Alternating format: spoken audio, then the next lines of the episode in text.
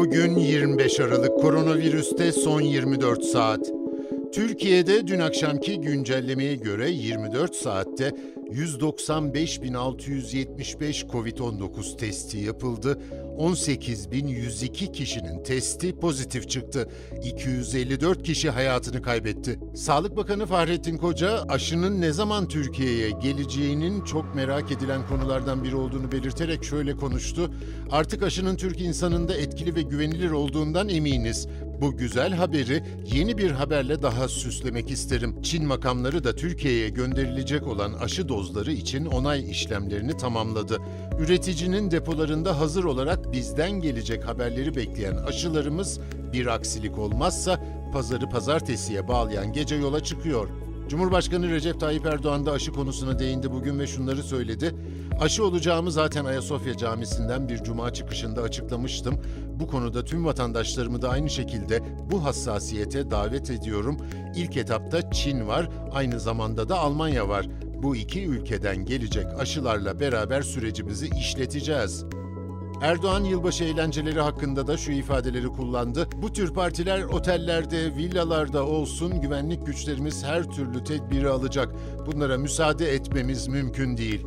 Sağlık çalışanlarından mümkün mertebe bahsetmeye çalışıyorum. Bugün Konya'dan bir hemşire var. Selçuk Üniversitesi Tıp Fakültesi'nde çalışan Hatice Kurban iki kez Covid-19'a yakalanmış ve ikincisi daha ağır geçmiş. Sözü ona bırakıyorum. Biz bir odada izoleyiz. Çocuklarım iki tane çocuğum var 8 ve 10 yaşında. Onlar da başka bir odada izole oldular. E, Onlar ilk başta bu durumu kabullenmek istemediler. Çünkü ilkinde babaları negatif olduğu için üçü birlikteydi.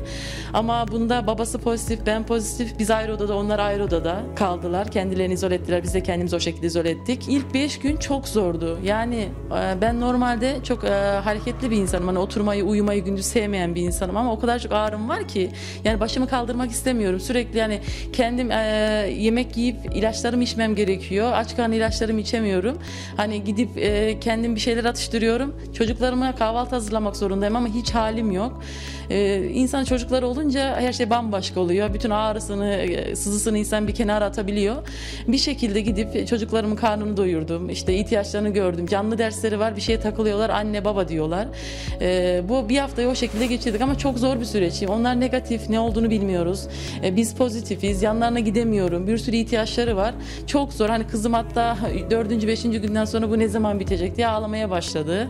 Bir bitse artık karantina sürecimiz. E, Biz sizi çok özledik. Size dokunamıyoruz. Ne zaman size dokunacağız? Ne zaman sizi öpebileceğiz? Ne zaman aynı sofrada yemek yiyebileceğiz diye bir sürü sorular sordular. En son ben e, test vermeye geldim. 8. ve 9. gün. Hani negatif olduğumu görüp işe başlamam gerekiyor.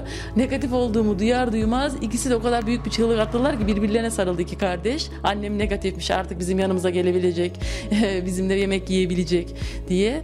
E, bunlar hani e, uzun hani anlatıldığı zaman da böyle hikaye gibi geliyor ama o kadar zor bir süreç ki yani insanın çocukları olduğu için e, bu süreci bir şekilde e, en iyi şekilde atlatmak istiyor. Yani onların hiçbir şeyden eksik kalmasını istemiyor. Hem kendi hastalığınız var hem onları gözetliyorsunuz hem onların öz bakımını yapmak zorundasınız. Zor bir süreç.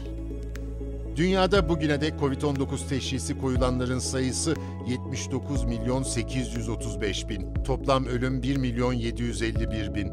Bugünlük bu kadar. Pazartesi görüşmek üzere. Hoşçakalın.